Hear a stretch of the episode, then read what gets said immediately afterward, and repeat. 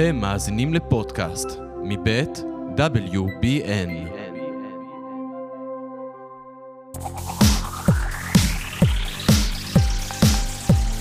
טוב, אמ, אהלן אלעד וולף. אה, ש- התחלנו? התחלנו, ופשוט, אה, תסמנו. אני רוצה להוריד, לא, הוא סימן. לי, הוא סימן לי. אני רוצה הוא לא פה מדבר להוריד, איתי, הוא לא. לא מדבר. אני רוצה להוריד פה רגע את הטונים, כי אנחנו... אנחנו התחלנו הקלטה בדיוק ברגע מאוד דרמטי במשרד, ומה שקרה זה שיש ויכוח על העוצמה של אלעד בזיהוי דגלים. כן. אה, אני לא אלאה אתכם בפרטים, אבל זה הגיע לטונים מאוד גבוהים. אז אנחנו ככה מרגיעים בהקלטה של הפודקאסט. יש לנו כמה נושאים מאוד מאוד לא, מעניינים. כי מדובר אוקיי. באחד הכישרונות אוקיי. הכי גדולים שלי. אוקיי. יש לי הרבה מאוד כישרונות, אבל זיהוי דגלים זה בטופ כישרונות שלי. אלעד טוען שהוא הטוב בארץ בזיהוי דגלים. הייתי אומר, בהערכה צנועה, שאני לפחות 8-9 מתוך 10. אבל אה, לוקה פה מנסה להקטין, וזה לא מה שהיית מצפה מחבר צוות. זה... ככה זה החצי שעה האחרונה, אני מנסה ל... ללכת פה בין הטיפות לבין ה... בין שתי העמדות, לא ממש הולך לי, אז לא, אמרתי אורי, בוא, אבל, אבל יש, יש אמת. יש גם עובדות. יש גם בסוף עובדות. יש גם עובדות יש גם באמת. עובדות, לא צריך גם ללכת, כאילו, אתה יודע, כל fake news אל מול אמת ולנסות למצוא את דרך האמצע.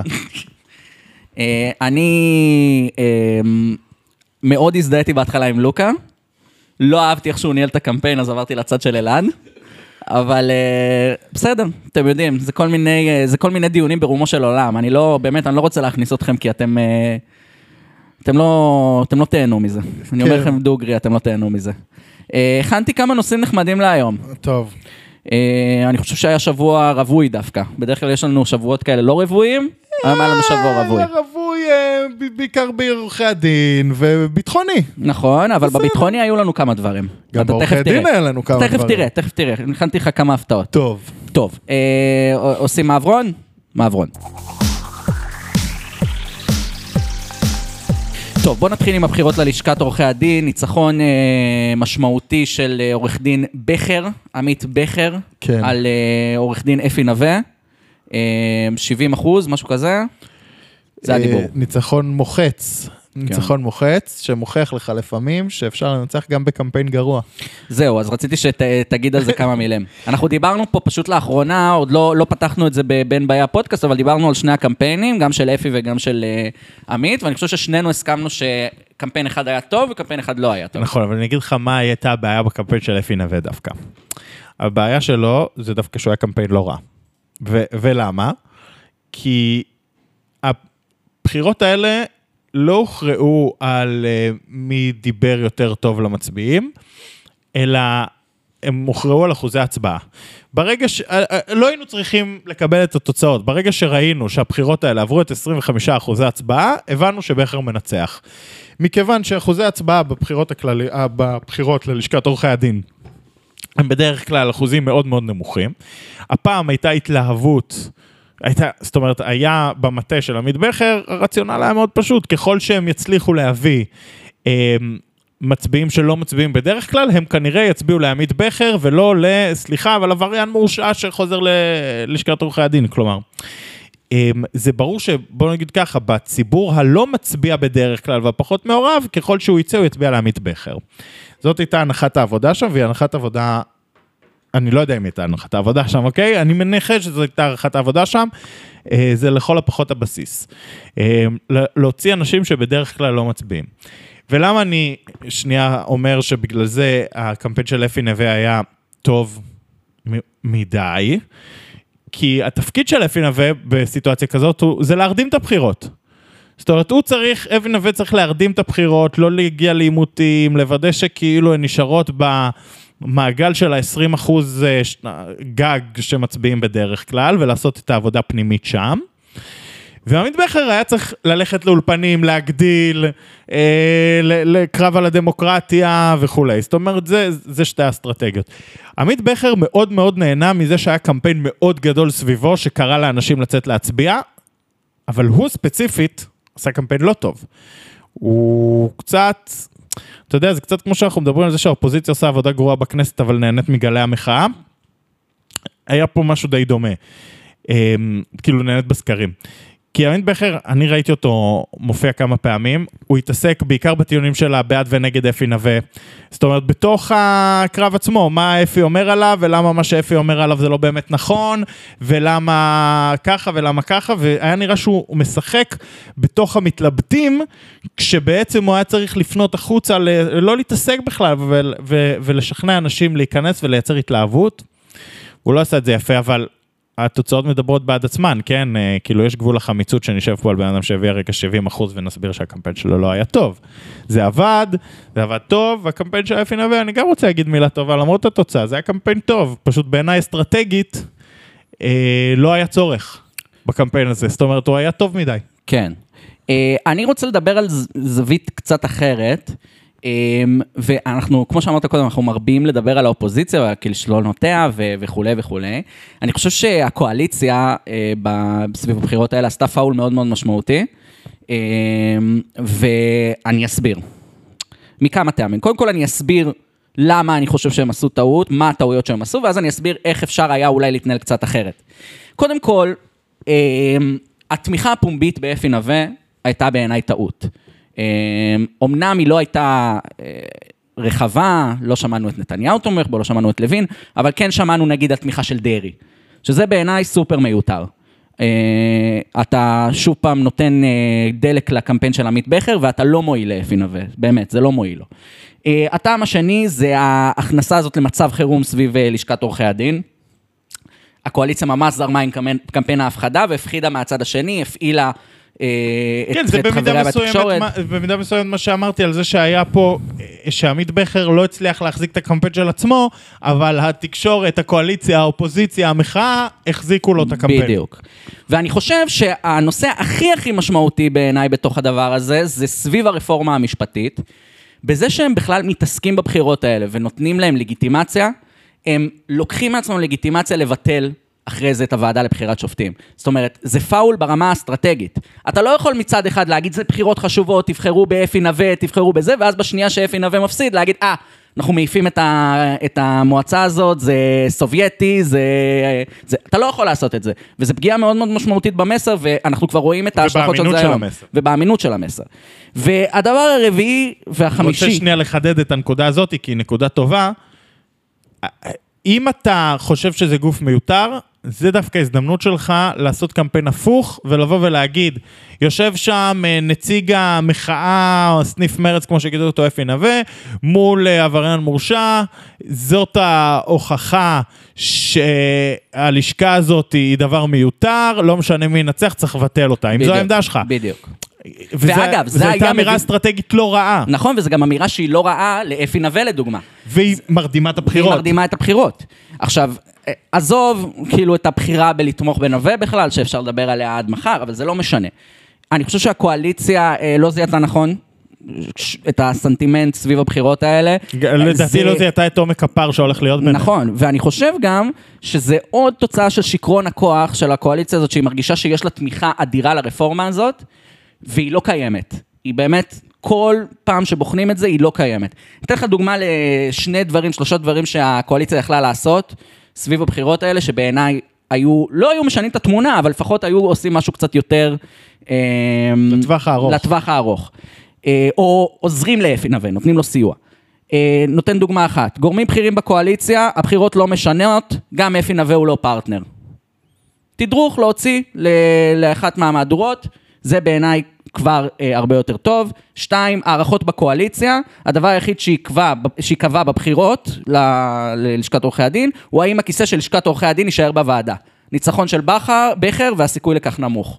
לתת לעורכי הדין איזשהו אינטרס להגיד, אוקיי, אולי הוא לא כוס התה שלנו, אבל הוא הדרך היחידה להשאיר את ההשפעה של עורכי הדין בוועדה לבחירת שופטים. שתי נקודות שאולי היו קצת משנות את התמונה. לא אומר שעכשיו הוא היה מנצח, אבל לפחות לתת איזושהי דחיפה. וגם זה נראה כאילו לא תמיכה ישירה. אה, לא, זה הפוך מתמיכה ישירה, זה הפוך על הפוך כזה, אבל כן, תשמע, בעיקר, בעיקר יש עכשיו את המשחק הזה, שבו היכולת לה- להוציא את ה... אה, את לשכת עורכי הדין מהוועדה לבחירת שופטים, הופך להיות, לא יודע אם יותר קשה, אבל יותר דרמטי. והוא יקים עליהם מה שנקרא את קפלן, שנתניה כל כך מפחד, ודיברנו על זה שבוע שעבר, יכול להקים מחדש. כי, כי יש פה ממש לגנוב בחירות. השתתפתם בבחירות, לקחתם חלק פעיל, תמכתם אקטיבית באיזושהי סיעה, באיזשהו בן אדם, תדרכתם כל הזמן על זה שאתם מחכים עם הוועדה בכנסת כדי לראות מה יש שם. ואז אחרי שהתוצאה שם לא מקובלת עליכם, אתם סוגרים את הבסטה, אז זה, יש בזה אלמנט שנתפס כל כך אנטי דמוקרטי של אנחנו מכבדים את הבחירות כל עוד התוצאות טובות לנו, שהוא מייצר... אה, מייצר בעיה מאוד מאוד גדולה עכשיו בהמשך קידום כן, הרפורמה. זה, זה בדיוק הנרטיב של המחאה, זה בדיוק, אה, זה ממש יושב על החששות וה, והדברים המרכזיים שאומרים במחאה, ואני חושב שתשמע, הקואליציה תצטרך, תגיע לנקודה, כמו שדיברנו כבר הרבה פעמים, וזה כבר הגיע לנקודת רתיחה סביב, אה, אה, סביב המינויים לוועדה עצמה, אבל הנקודת רתיחה הבאה היא כינוס הוועדה עצמה. זאת אומרת, יהיו הצבעה על הנציג השני, אני מעריך שייבחר נציג קואליציה, יכול להיות, אם ייבחר בנציג אופוזיציה זה יהיה נורא מצחיק, אבל קרוב לוודאי שייבחר נציג קואליציה, ואז יהיה דיבור, מתי מכנסים את הוועדה הזו, ואם לא מכנסים את הוועדה הזו, אז צריך לקדם שינוי בשיטה. א- א- אין אמצע, אתה לא יכול ארבע שנים לא למנות שופטים, זה לא עובד ככה, יש דדליין. אה, אגב, רפורמה והוועדה למינוי שופטים, אני מעריך שתם הסיפור, תם הטקס. אה, אני לא רואה את נושא עילת הסבירות כרגע, ואני לא רואה אף גוף במחאה מצליח היום להתעסק באופן נכון עם הנושאים של עילת הסבירות והיועמ"שים. אתה רואה, אתם הולכים לכיוון של חרדים, גיוס, כל מיני דוגמאות שאינן קשורות כל כך. וקצת כאילו נתפסו בלתי מוכנים. השיחות בבית הנשיא עשו טוב לקואליציה, כמו שאני חשבתי מלכתחילה, כי הם באמת נתנו לגיטימציה לחקק את היועמ"שים ואת עילת הסבירות אחרי כל התדרוכים שיש הסכמות סביב זה, תרגיל נתניהו קלאסי. ואני לא רואה את הציבור יוצא, בת... הציבור אפילו לא יודע מה זה עילת הסבירות. אני לא רואה אותו יוצא במחאה נרחבת אמ, סביב, אה, סביב הדבר הזה. ולכן, אני חושב שלקואליציה יש פה הזדמנות לחוקק שני חוקים שיעברו לה יחסית בשקט. אני חושב שאם המחאה לא תשכיל אה, לס- ללכת בכל הכוח אה, על השני סעיפים האלה ולהגיד אסור להם לתת כלום, זה שיטת סלאמי, ברגע שהם לוקחים אצבע אחת כל היד וכולי, אה, ולא תשכיל ללכת על זה בכל הכוח. פה זה ייגמר, יעברו השני הסעיפים האלה, הקואליציה תירגע, האופוזיציה תירגע ואנחנו נמשיך הלאה. אה, ונתניהו ימשיך לסעודיה וכל מיני דברים אחרים כדי להתייצב. זה לדעתי סכנה לאופוזיציה, שתאבד את כל המומנטום של הסקרים, אבל זאת ההערכה שלי, זה נראה לי הכיוון שאנחנו הולכים אליו כרגע. מעניין. השאלה אם אפשר, אה, אם אפשר אה, בכלל להרים את, ה, את המחאה סביב הנושאים האלה. אני חושב שכאילו היה ניסיון להפוך אותם לנושאים הרי גורל ומכריעים את הדמוקרטיה, אבל אני חושב שלא כל כך פועל, לא כל כך תראה, עובד. הייתה פה הרדמה עוד פעם, עם השיחות עם ההידברות בבית הנשיא, הייתה שטות מוחלטת, והיא ממשיכה להיות שטות מוחלטת, ואנחנו עדיין דנים אם חוזרים או לא חוזרים בבית הנשיא. אמ, וזה, אין ספק שזה הרדים. אבל אני כן חושב שזה אפשרי. אני חושב שזה אפשרי כי אתה יודע מה, אם היינו מדברים פה לפני שלושה חודשים, היינו גם אומרים שמאוד מאוד קשה להוציא המונים לרחוב על שינויים משפטיים, שתכלס הציבור לא מבין מה זה סניוריטי ומה זה הוועדה לבחירת שופטים, ואף אחד לא היה מאמין שבחירות ללשכת עורכי הדין היו כאילו מטלטלות את המדינה וזה, כי היו הרבה פעמים בחירות ללשכת עורכי הדין, וזה היה מעניין בערך כמו בחירות ללשכת רואי החשבון. אבל פתאום זה, אתה יודע, זה חלק מהיום יום שלנו. ובאותה מידה אפשר לעשות את זה כן גם סביב אה, אה, תיקונים קטנים כמו עילת סבירות ויועמ"שים. זה אפשרי. זה לא שם כרגע. נכון. וזה דבר אחר. כאילו בין ה- מה אפשר לבין מה בנמצא, זה כרגע לא בנמצא. זה אפשר. כן, זה עוד פעם, זה אגב, אפשר להגיד, אמ, ש- שיטת הסלאמי וכולי.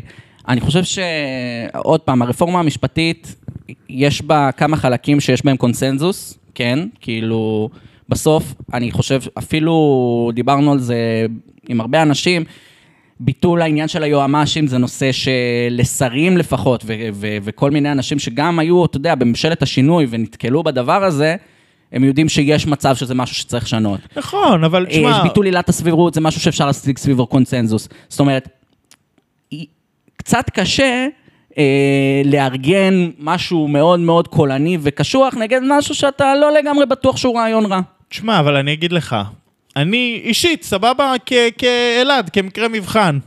אני חושב שסיפור היועמ"שים, אה, העובדה שלא מפצלים את תפקיד היועמ"ש וכולי, זה שטות מוחלטת. בסדר, אני תומך בזה. אבל אמ, כמי שמתנגד לכלל הרפורמה, אתה תשכנע אותי מאוד בקלות שהממשלה הזו רוצה ללכת הרבה יותר רחוק, ולכן אמ, כל אה, שלב שהם ישיגו הוא גרוע מאוד, ואם כבר עושים שינויים במרחיקי לכת, זה לא צריך להיות כבר עם הממשלה הזאת, שכבר עשתה הצהרת כוונות. נכון. ואתה צריך, כי, ו, ולממשלה הזאת, כביכול אסור לתת כלום, כי ברגע שאתה תיתן לה אצבע וכולי. זה קמפיין שהוא לא קשה. נכון. ואתה כן יכול לבוא ולהסביר פה לאדם הממוצע שאנחנו לא מדברים פה על יועמ"שים כן או לא, או סבירות כן או לא, או סניוריטי כן או לא, או מיליון דבר אחד דברים אחרים שהם על פניו כשנכנסים לפרטים הם לא בלתי, מגיע, אפשר להגיע איתם להסכמות, לא בלתי אפשריים. אלא הרעיון המובהק שבו הקואליציה טעתה שהיא הלכה בגדול עד הסוף במקום לחוקק את זה ככה. זאת אומרת, אם הקואליציה הייתה מההתחלה מגיעה רק עם סבירות ורק עם משהו, היא לא הייתה מקימה את כל המחאה הזאת והייתה יכולה לחוקק את זה, אבל זה כבר טעות היסטורית, שהם הלכו ביהירות ועשו את כל התקלות האפשריות. once הם עשו את התקלות, יש לך יכולת להוציא את האופוזיציה גם על הדברים הקטנים. בעבודה נכונה. כן. אה, כן, זה נרטיב שהוא אפשרי, צריך לראות אה, באמת לאן הדבר הזה הולך. תראה, השאלה האמיתית היא האם הקואליציה תסתפק בשני הדברים האלה, ואז לכנס ועדה שבאמת אין לה שום שליטה, ואתה יודע, דיברנו על אה, איילת שקד ועל הוועדה שלה. לא הייתה ועדה אה, עד היום, לדעתי, טובה לימין כמו הוועדה אז.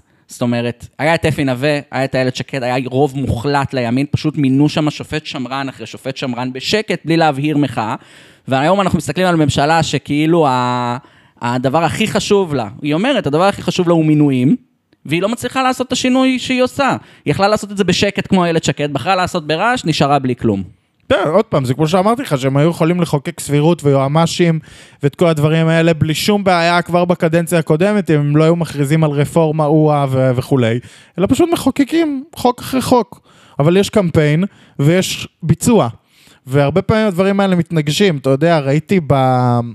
בטוויטר, לדעתי מלך זילברשלג העלה את זה, זה צילום מסך של מישהו שכותב לבן גביר, אכזבת, אין משילות, אין זה, ובן גביר אומר לו, בפעם הבאה, אם יהיו לנו יותר משישה מנדטים, נצליח וזה, שכאילו אתה לוקח באמת אה, אה, אירועי אה, טרור וכאלה, ואתה על גבם עוד אומר מנדטים, יש בזה משהו שהוא כאילו, הוא מעורר אי נחת מאוד גדול. כן, ועוד נדבר על זה בהמשך. ואנחנו נדבר על זה בהמשך בביטחוני, אבל אני כן קושר את זה כאילו גם לנושא הזה של, אתה יכול לדבר מנדטים ולעשות קמפיין ולהכריז רפורמה, ואתה יכול לחוקק. ובדרך כלל, זה, זאת אומרת, זה לא תמיד בא ביחד. לפעמים זה כן, לפעמים זה לא, הפעם לא. יפה מאוד. אה, מי היה מאמין שנדבר ככה רבע שעה, 20 דקות על בחירות ללשכה, אבל אה, זה, ה, זה המצב בישראל, זה מה שקורה, זה העניינים. אה, טוב, בואו נתקדם לנושא הבא.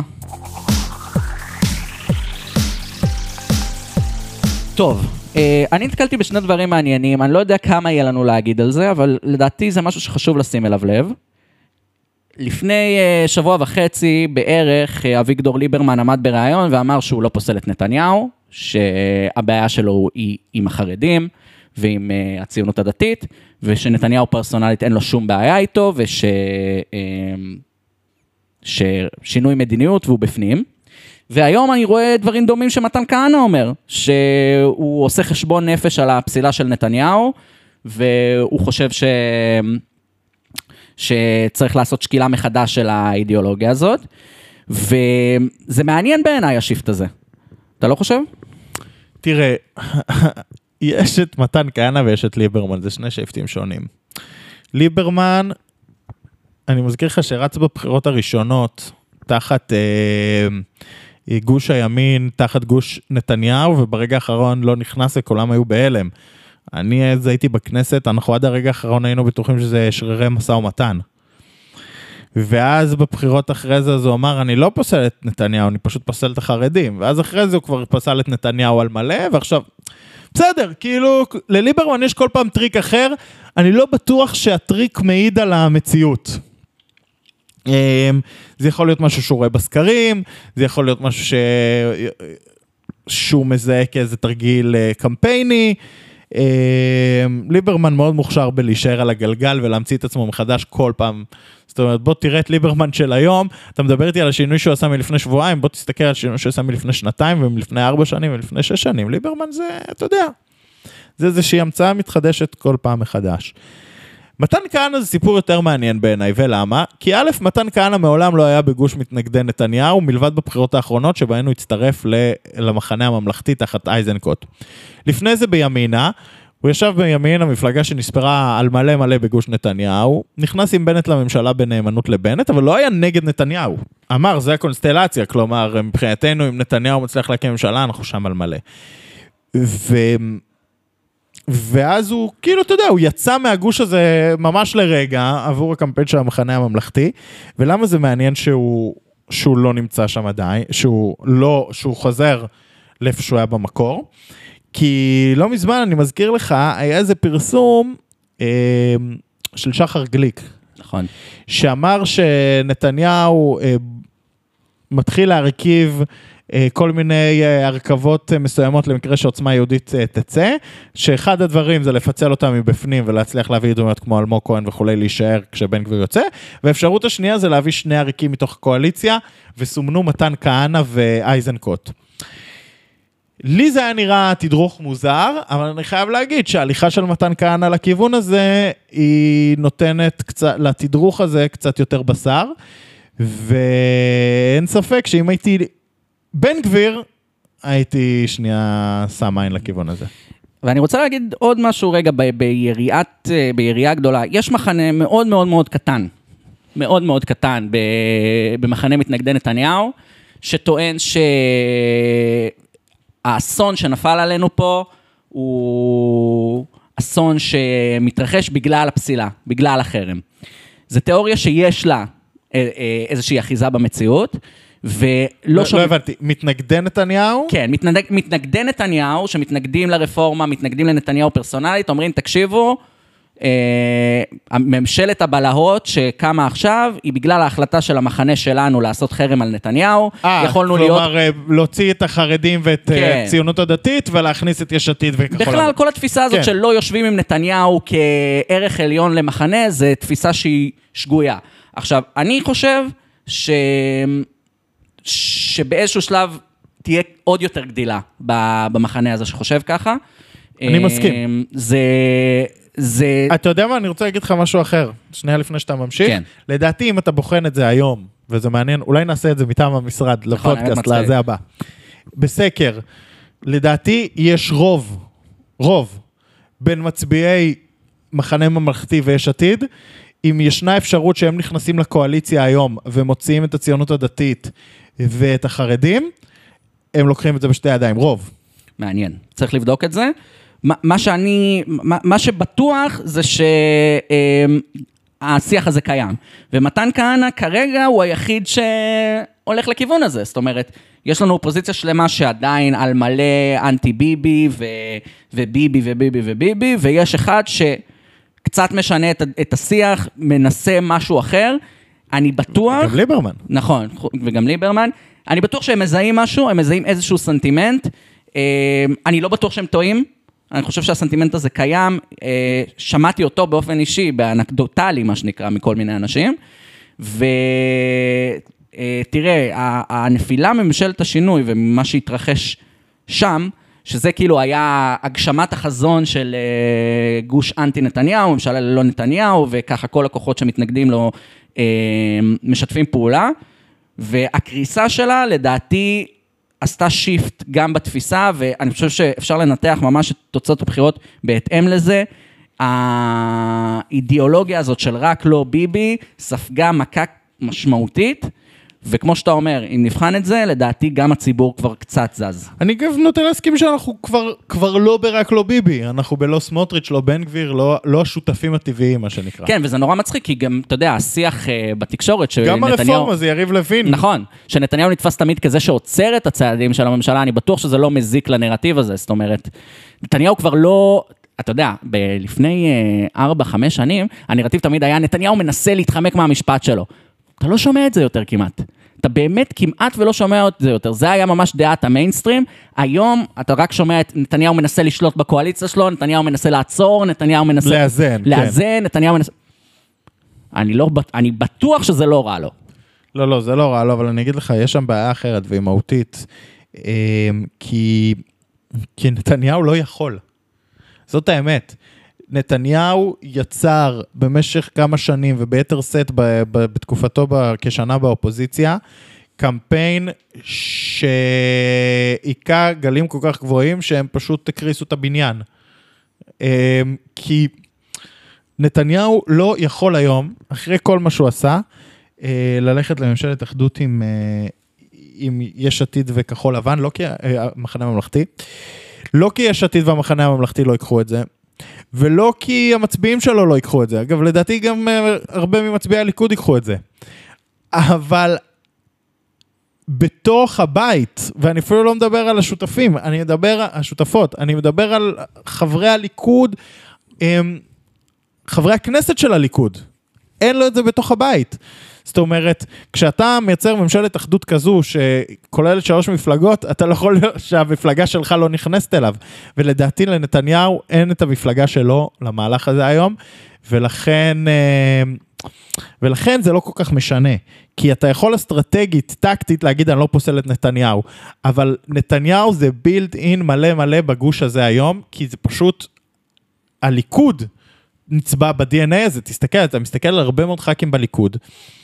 אה, אה, קרעי היה יכול להיות בקלות, חבר כנסת מש"ס, מעוצמה יהודית. או זה, מאי גולן, בקלות הייתה בעוצמה יהודית, טלי גוטליב, ראינו את כל ההוכחות שהיא לא בדיוק ממושמעת לנתניהו. אה, זה, זאת אומרת, זה כבר לא נמצא, כאילו, יריב לוין ורוטמן, מה ההבדלים? זה כבר לא נמצא בתוך אה, סיטואציה שבה אה, אפשר לייצר את הפער הזה.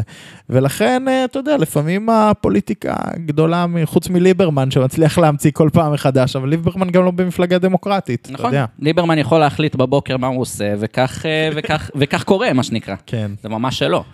אה, טוב, מגניב. לא, בוא נגיד ככה, התרחיש של מתן כהנא, שר הביטחון, עבר מ-0.005% ל-0.05%, משהו כזה. זה תרחיש שכבר אפשר לדמיין אותו. אה, אני לא פוסל, לא פוסל בכלל. הוא הסתפק גם בפחות. הוא יסתפק גם בפחות. אה, מעניין, יהיה מעניין לעקוב, ואגב... זה עוד לא שם, זה עוד זה לא עוד לא, הבשיל. לא, זה עוד לא שם, אבל אגב, מעניין לשים לב, אני לא יודע מה יקרה, אבל מעניין לשים לב להצהרות נוספות ש, שמדברות בכיוון הזה, לראות האם קם מחנה, שזה התפיסה שלו, אה, ו, וזה יכול להיות מעניין. אבל עוד פעם, אני אגיד לך מה הבעיה, אני לא רואה את זה, אלא אם כן בן גביר יוצא אקטיבית מהממשלה, ואז נכון. צריך... זאת אומרת, זה הדרך היחידה שבה אני רואה היום, שהליכוד מוכן לקבל את הסוויץ' הזה. בעל כורחו. זאת אומרת, אם איזה בן גביר או מישהו יוצא מהממשלה, ואז אומרים, טוב, זה או שאנחנו מפילים את ממשלת הימין, או שאנחנו מתפשרים. אבל להוציא אקטיבית אה, כוחות היום מתוך הממשלה כדי להכניס אחרים, אני לא בטוח שהוא יכול. נכון. מה אני אגיד לך? טוב, מה הנושא הבא? יאללה, נושא הבא. יש עוד נושאים, יש עוד. יש, יש עוד. טוב, יש לנו עוד כמה נושאים מעניינים. אמ, בוא נרוץ עליהם. בוא נרוץ עליהם. אני מקריא לך אה, אמירה של רוטמן מיום חמישי בבוקר. אה, אנחנו עוברים לביטחוני, אני מבין. כן. כן. רואים לכם חברים, צר לי לומר. כבר- כבר כן, כיף. כבר כיף, נכון? רואים לכם חברים, צר לי לומר, רדו מהפוזה הזו ודחוף. ברגע שאתה מוחה נגד הרפורמה, מותר לך לקרוא לאחוז בנשק ולהיות אלים, אבל אם אתה מוחה על עניין פעוט וקטן שארבעה נרצחו, אז זה לא בסדר. אני פשוט... אה, תשלח אותי למקור שבו מתנגדי הרפורמה קראו לאחוז בנשק ואלימות אה, אל מול... אה, תקרא, תראה לי מקום שבו כאילו שרפו בית ספר. אתה יודע, אה, ההשוואה, זה פשוט השוואה השוואה פח. תימהונית, כאילו. השוואה פח. ואני רוצה לה- להגיד לך משהו על- אוקיי. רוטמן עצמו. אני שמעתי לאחרונה מספר ראיונות עם אה, חבר הכנסת שמחה רוטמן. הרעיון האחרון שלו היה עם בחור בשם קלמן ליבסקינד. בחור, בחור, כתב. שמעתי עליו. יש שיגידו, לא ממתנגדיו הגדולים של שמחה רוטמן. הרעיון הזה היה מתחת לכל ביקורת מבחינת שמחה רוטמן, וזה מצטרף לרעיון אחר שהוא עשה אצל אה, יניר וספי אחרי אה, תקיפת המפגינה, וזה מצטרף לתקיפת המפגינה. אין אה, דוגמה בעיניי לנבחר ציבור ששיכרון הכוח משפיע עליו חיצונית, כמו שמחה רוטמן. יש משהו בהתנהלות שלו שהיא בעיניי גם מורידה ברמות, לדעתי גם לאוהבי ותומכי הרפורמה, וגם מאוד מאוד לא מועילה בהסברה שלה. אה, רוטמן ממש מייצג את מה יקרה פה אם הרפורמה תעבור. בן אדם שמשווה אה, מפגינים בתל אביב שמדי פעם חוסמים כביש לאנשים שרצים בתוך כפר ושורפים את כל תכולתו, ואתה מבין שזה בעצם זה שמקדם את הרפורמה, אז אתה יכול להבין את החששות, כבן אדם שאומר שהוא לא יכול להבין את החששות. זאת אומרת, אני חושב שיש משהו בהסברה של רוטמן, שהיא פשוט נראית ונשמעת רע מאוד מאוד. תקשיב, אבל, אני, אבל זה מתחלק לשניים, או, או יותר, כמו כל דבר בפוליטיקה. כי רוטמן, אתה צודק, הפך להיות אה, אויב חצי מהעם. ומתנגדי הרפורמה רואים ברוטמן דמות שהם לא הכירו עד הרגע, אה, דמון. ממש, כמו יריב לוין. ודיברנו קודם, בהמשך שיחתנו, כבר מעל רמת נתניהו. ממש. מהצד השני, אני מזכיר לך שרוטמן לא, לא נמצא במפלגה קטנה, שנמצאת מהצד הימני, ימני של המפה, מימין לליכוד, שהיא מפלגה אגב שערכה פריימריז, ואני רואה, לא יודע, אבל אני רואה כרגע את רוטמן, הוא ניגש לפריימריז האלה, מקבל מקום הרבה יותר גבוה מהפעם הקודמת. אה, לדעתי, הוא יכול אפילו להגיע למקום הראשון אחרי אה, היו"ר. מעניין. אולי הוא אפילו יכול לתת fight ליו"ר. מעניין. ו... וגם זו פרספקטיבה להסתכל דרכה. כלומר, אתה מסתכל על זה ברמה הלאומית הכוללת, מה זה עושה לרפורמה, מה זה. אבל המקום שרוטמן הצליח לקחת בתוך הציבוריות הישראלית, בתוך המפלגה שלו, מגדיל אותו מאוד מאוד מאוד. גם באמצעות אמירות פרובוקטיביות כאלה. מה שנקרא לא נעים, לא נורא. כן, אה, אני רק אומר ש... לא יודע, תקשיב, שוב, אה, אני לא יודע, מקצועית אני לא יודע איך לנתח את זה. לא נעים לשמוע את הרעיונות האלה, זה באמת ברמה, אתה יודע, שמעתי רעיונות אה, לא נעימים של פוליטיקאים בחיי, אה, ברוך השם, הייתי מתיישב על הרדיו 8-10 שעות ביום כשהייתי בצבא, לדוגמה, והייתי שומע מכל סוגי הפוליטיקאים. רוטמן, מה שקורה בחודשים האחרונים, חריג מאוד. חריג מאוד מאוד מאוד. זה לא, אין מישהו שמתקרב לזה בכלל בתוך הקואליציה, וכמו שאתה אומר, יכול להיות שזו החלטה מודעת. אה, אני לא פוסל את זה בכלל. לא, גם יכול להיות שזה האיש, ופשוט לא הכרנו אותו כל כך עד היום. זאת אומרת, אתה יודע, מי שכן הכירו אותו, בעיקר בעולמות המשפטיים, היו אומרים לך שזה האיש. נכון. אבל כן, הוא פרץ לתודעה הציבורית באמצעות רפורמה משפטית שמקדמת הממשלה, והוא כיו"ר ועדת חוקה מוביל אותה. וזה האג'נדה שלו שנים, והוא עושה קמפיין טוב מאוד כדי לחבר את עצמו לזה. כי לא יודע אם בעולם אחר ובקמפיין אחר היית מזהה כל כך רפורמה עם יו"ר, יו"ר הוועדה שאצלו בוועדה הדיונים על הרפורמה, כן? אה, ואני רוצה לספר לך פה רגע משהו. אה, לפני אה, ארבעה חודשים, ישבתי מחוץ לאולפן של אה, פגוש את העיתונות. כן. זה היה ממש בסוף, בסוף ה... בסוף, יום, יום, יומיים אחרי הבחירות, אולי ארבעה, חמישה ימים אחרי הבחירות. ישבנו שם והיו שם מספר פוליטיקאים, אחד מהם היה שמחה רוטמן. והלכתי אליו ושאלתי אותו, אמרתי לו, תגיד, אה, מה, מה אתה מתכנן? שמעתי השר... אה, צריך להגיד, היה שעון חורף. כן, היה שעון חורף והוא בא והכל היה בסדר. אה, שאלתי אותו, מה, מה אתה מתכנן? שמעתי שר, אה, לא זוכר מה דיברנו, שר החקלאות, משהו כזה, הוא אמר לי, הסתכל עליי, אמר לי, אני ממש לא רוצה להיות בשולחן הממשלה. זה אפילו לא קרוב למה שאני רוצה. הדבר היחיד שאני רוצה, היחיד שביקשתי והיחיד שאני ארצה להיות בו, זה יו"ר ועדת חוקה. דבר היחיד שאני רוצה. לא דרשתי שום שר, אין לי אופציה שנייה. זה או ח"כ מן המניין או יו"ר ועדת חוקה. וזה מראה לך מה... כמה הוא תכנן קדימה את המהלך הזה. הוא בסדר, יודע מה הוא רוצה. יפה מאוד. נראה לי זה מחמיא לו. גם אני חושב אני שמחמיא חושב לו. שזה סיפור שמחמיא לו. גם אני חושב. יאללה, בסדר. בסדר גמור. אז מה, הלאה.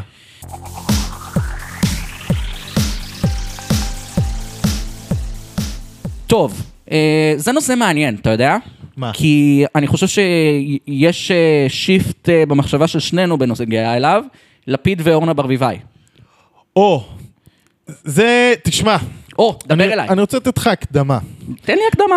כמשרד שמתעסק בקמפיינים, קמפיינים? קמפיינים ציבוריים, ציבוריים. שיגידו, אה, וציבורי כולל בחירות מוניציפליות, רבים אה, שואלים אותי, תגיד אלעד, אה, איך עוד לא נכנסתם למוניציפלי? איך אתם לא רצים ברחבי הארץ בין עיריות? ותשובתי היא ש... שמי שהתחיל את הבחירות לפני חצי שנה הוא או מפגר או עשיר. ולמה? כי, תשמע, בחירות לכנסת מכריזים, ואז יש לך בערך 90 יום מהרגע שהכריזו. 100 יום, 110 ימים, וגם זה עד שאתה מוצא מטץ, עובר הילוך, וזה לוקח קצת זמן, ויש לך מלא כספי מדינה לבזבז גם. פה יש לך סיטואציה של אנשים שהרבה פעמים שמים את הכסף, את את הכסף מההון העצמי שלהם, והם יודעים להיערך לבחירות שנה מראש, כי יש תאריך קבוע לעומת בחירות לכנסת. ולכן אה, יש איזו היערכות שקורית איזה שנה קודם, אבל מי יכול לשלם לאנשי מקצוע טובים, ואנחנו ברוך השם יודעים לגבות, אז מי יודע לשלם כל כך הרבה זמן מראש, אלא אם כן הוא מאוד עשיר או טיפש. ולכן, אה, אנחנו עד, עד היום היינו במדיניות של אה, נפנוף אה, אה, פניות, כאילו, או הגשת הצעות מחיר שהיו יקרות מדי, נכון. ואתה יודע, אני גם דיברתי, גם דיברתי עם כל מיני קולגות, מתי ייכנס, מתי לא זה, ואמרנו, חודשיים, שלושה חודשים לסוף, זה הזמן הנכון. אה, זה הזמן שבו, סליחה, לא נעים, מעיפים את כל הזולים שהם הביאו עד עכשיו, אומרים, טוב, עכשיו אני צריך אנשי מקצוע. ואני חושב שלמה נתתי את כל ההקדמה הארוכה הזאת? כי אני חושב שבהקשר הזה, אה, אורנה ברביבאי הגיעה יחסית בזמן. הבחירות הן אה, עוד אה, ארבעה חודשים בערך. אה, היא מתחילה יפה, כל אה, היריבים בתל אביב כבר התחילו, חוץ מחולדאי שמתחיל בדרך כלל בשבועיים האחרונים. אבל אני חושב שיכול להיות שהיא תצליח לגרור אותו בלשון להתחיל קצת קודם. אה, והסיבה לכך היא שיש פה בעיניי מועמדת, אה, נאמר זאת כך, יותר אה, עם נתונים יבשים טובים יותר לנצח את חולדאי מאשר אה, שהיו לו עד היום. כן. ואחד הדברים שהדליקו לי את הדגל האדום, לזה שאולי יהיה פה איזה מרוץ, זה מסיבת העיתונאים עצמה. נכון. כי מה שלפיד אמר במסיבת העיתונאים זה מסר אה, סופר סופר סופר אה, קיצוני. זאת אומרת, הוא עומד לידה, אומר, אה, רון הוא חבר, אבל הגיע הזמן אה, לשנות, הגיע הזמן משהו אחר, ואורנה ממשיכה את המסר הזה ואומרת אה, אפילו משפט בסגנון אה, למען הגוש תתפטר, כזה.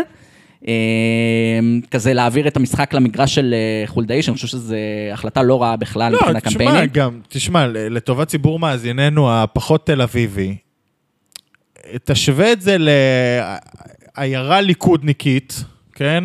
עיר ליכודית מאוד, או עיירת פיתוח ליכודית, שמגיע בנימין נתניהו ואומר, זה, ומגיע פיזית ופותח יחד איתו את מסיבת העיתונאים של הקמפיין שלו. זה שווה ערך לכוח של יש עתיד בתל אביב, ומגיע יאיר לפיד ושם את כובד משקלו. אתה יודע, היה הרבה הערכות שהריצה של אורנה ברביבאי היא איזשהו ניסיון שלה לצאת. היא אומרת, מה יש לי, הייתי שרה, הייתי אלופה, אני בסדר מספר 2, לפיד לא רוצה לעשות אותה יותר מספר 2, הוא רוצה להיפטר ממנה, היא רוצה להיפטר ממנו, מצאו דרך אלגנטית לצאת, היא גם מתפטרת מהכנסת. היה הרבה דיבור כזה באוויר. העובדה שהוא נעמד איתה במסיבת העיתונאים, לדעתי גם אם כל הדיבורים האלה נכונים, הם בוטלו אה, מהשיח הציבורי, הם ירדו מהשולחן, כי ניכר שהוא שם פה את כובד משקלו, מול חולדאי, שזה לא מובן מאליו שלפיד הולך מול חולדאי. ממש חולדאי לא הוא- מובן מאליו. הוא דמות שבוא נגיד עבדנו עם הרבה מאוד אנשים במחנה הזה, שתמיד תמיד היה רק לשמור על כבודו של חולדאי, רק לשמור על כבודו של חולדאי. אה, זה לא מובן מאליו, יש פה מהלך על כל הקופה, כי אם יש עתיד לוקחת את ראשות עיריית תל אביב, זה מאוד משמעותי לה מבחינה אה, לאומית גם, והכוח של המפלגה, אה, וצריך להבין את זה שאנחנו גם במשחק, כן בתוך המשחק הפוליטי הזה, ולפיד הולך פה בעיניי על כל הקופה במהלך אה, מאוד מעניין. כן, והדבר הבא שנצטרך לראות זה כמה כסף המפ- המפלגה תשקיע בתוך הדבר הזה, ואז נדע את רמת הרציניות גם אחרי זה. צ'יפ רצינות ראשון היה מסיבת העיתונאים הזאת, שהיא באמת, היא הפתיעה אותי, המסרים שיצאו משם, מסרים מאוד מאוד חדים, מאוד מאוד חריפים, כשלפיד עצמו מגיע לשם, הצהרת כוונות מעניינת. רוצה איזוטריה? תן איזוטריה. אז אורנה ברביבאי צפויה להתפטר מהכנסת, שזה אירוע חריג, כי שים לב, גם אה, ניצן הורוביץ, גם דב חנין, שרצו לראשות עיריית תל אביב, לא התפטרו. גם אחרים, חברי כנסת אחרים שרצו לראשי ראשות אה, עירייה ברחבי הארץ, לא מתפטרים עד שהם לא נבחרים. מותר לך לרוץ כח"כ מכהן, אז רק אחרי שאתה נבחר אתה צריך להתפטר. אגב, מהצד השני חולדאי רץ לכנסת ולא התפטר מראשות עיריית תל אביב, אנחנו נכון. זוכרים. ברביבאי מתכוונת להתפטר, וזה גם הצהרת כוונות מאוד משמעותית, כי בעצם העובדה שהם לא מתפטרים היא הרבה פעמים עקב אכילס שלהם. גם ברמה הלאומית אפשר להגיד להם, אתה רוקד פה על שתי חתונות, אתה ח"כ שנמצא בקמפיין אחר, אתה לא באמת בכנסת, אתה לא באמת uh, זה. וגם ברמה המקומית אפשר להגיד לו, אה, זה או אם אתה לא רוצה להתפטר, כי אתה לא מתכוון להתחייב פה למועצה, שאם אתה תפסיד, אתה אה, מוצא לך מילוט. אבל אם על איזוטריה דיברנו, אז את אה, ברביבאי יחליף בכנסת אה, יו"ר יש עתיד בבת ים. הוא הבא בתור ברשימה. מעניין. והמשמעות היא שעכשיו ליש עתיד בבת ים, לקראת מועצת העיר, אה, אין, אין אה, מועמד. אין מועמד. מעניין מאוד מאוד. אז הוא אה, צריך להחליט אם הוא רץ בבת ים. אה, או נכנס לכנסת, אני משער שהוא יבחר להיכנס לכנסת, כן. כי ראשות בכל העיר זאת. שם, אה, אגב, שם לדעתי יש בחירות מרתקות. קרב מעניין מאוד, לחיאני כבר התחיל את הקמפיין, יש שלטי נגד צביקה חוצות, ברוט, זה אחד הקרבות הכי מעניינים לדעתי במוניציפלית. יש שלטי חוצות, לחיאני כבר עם סלוגן, נראה סופר סופר מעניין, ומה- שווה לעקוב. ומהצד השני, אה, הליכוד נתנו משקל מאוד גדול לצביקה ברוט, נכון. מינו אותו במקום ביבס ליו"ר הוועדה המוניציפלית, כאילו מאוד הצהרה של הליכוד שהם מאחורי ברוט ורוצים לתת אה, זה. עכשיו מדובר בעיר ליכודית, ככה שתמיכה של הליכוד היא מסיבית שם, וראש עיר מכהן שזה גם לא פשוט לנצח. מצד שני ראש עיר מיתולוגי. אה, אהוב העיר, ממש אהוב העיר. ומאוד אהוב. תקשיב, קרב מרתק ממש. אם יש בחירות שצריך לשים עליהן לב, כאילו שהיינו רוצים שהמשדרים יתמקדו בהן, זה כנראה הבחירות זה האלה. בת ים. ממש. איפה עוד מעניין? מה אתה אומר? בוא ניתן, בוא ניתן עוד איזה כמה אה, מילים מוניציפליות. חיפה מעניינת מאוד בעיניי. נכון, יונה יהב חוזר. יונה יהב חוזר, לראות אם קליש מתמודדת, האם היא מתמודדת, איך היא מתמודדת, לראות את הקרב שם. אה, ירושלים כרגע לא מעניינת בשום צורה, כי נראה שלא... לא... אגב, אשדוד אה, יש קצת דרמה. נכון, אשדוד נכון. אה, נחמד, גם הייתי נכון. שם עין על אשדוד. נכון, וקרבות אה, חרדים חילונים בעיר זה מאוד מעניין, גם מה שקורה שם. אגב, חרדים חילונים, טבריה, נכון, משהו מצחיק מאוד מתרחש בטבריה. כן, כן, שובו של רון קובי, מתמודד. בקיצור, יהיה מעניין. יהיה מעניין. אם, אם תרצו שנקדיש איזה פרק שניים למוניציפלי ספיישלים, אז אה, כן, דברו אתם יודעים איפה. למצוא אותנו. האמת, עשינו כמה שיחות משרדיות כאלה שיכלו להיות אחלה של פודקאסט. נכון. ממש אפשר להרים את זה. אה. בסדר גמור, טוב, סיימנו, יש לנו נושא אחרון. אתה מוכן אליו? נותן לי יותר. זה יהיה נושא קצר, כי באמת הוא רק ברמת האיזוטריה והמצחיק. אורית סטרוק מאשימה את אה, גנץ בפיגוע. יש לך משהו להגיד על זה? לא. יופי. אורית סטרוק האשימה את גנץ בפיגוע. תודה שהייתם איתנו.